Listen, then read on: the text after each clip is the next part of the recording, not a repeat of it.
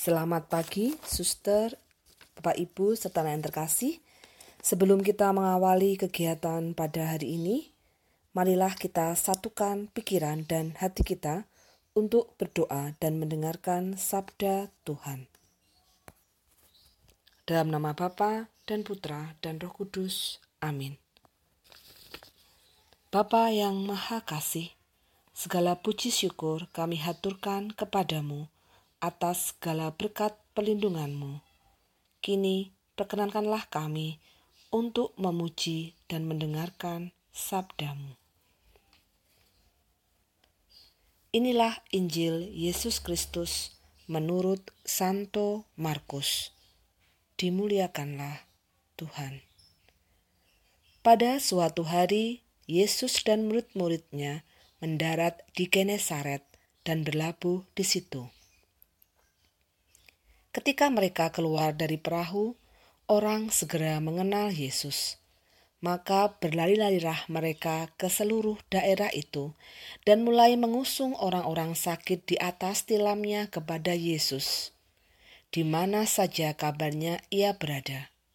Ke mana pun Yesus pergi, ke desa-desa, ke kota-kota, atau ke kampung-kampung, orang meletakkan orang-orang sakit di pasar-pasar dan memohon kepadanya supaya mereka diperkenankan hanya menjamah jumbai jubahnya saja, dan semua orang yang menjamahnya menjadi sembuh.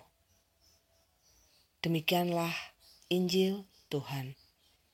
Terpujilah Kristus.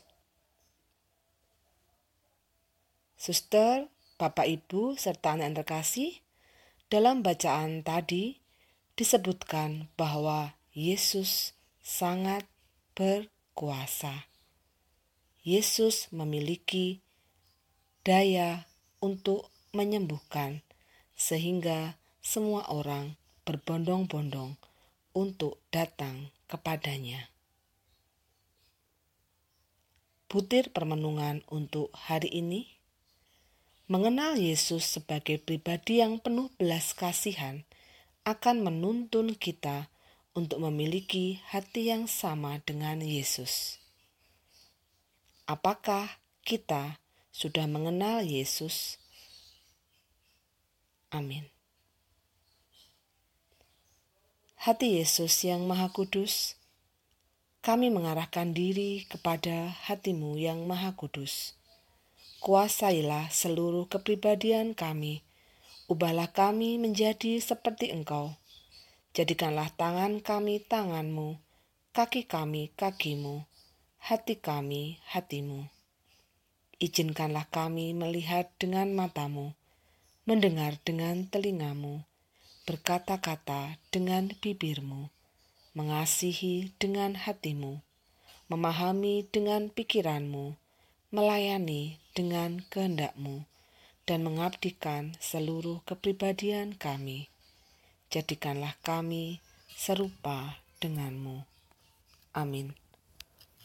Dalam nama Bapa dan Putra dan Roh Kudus. Amin.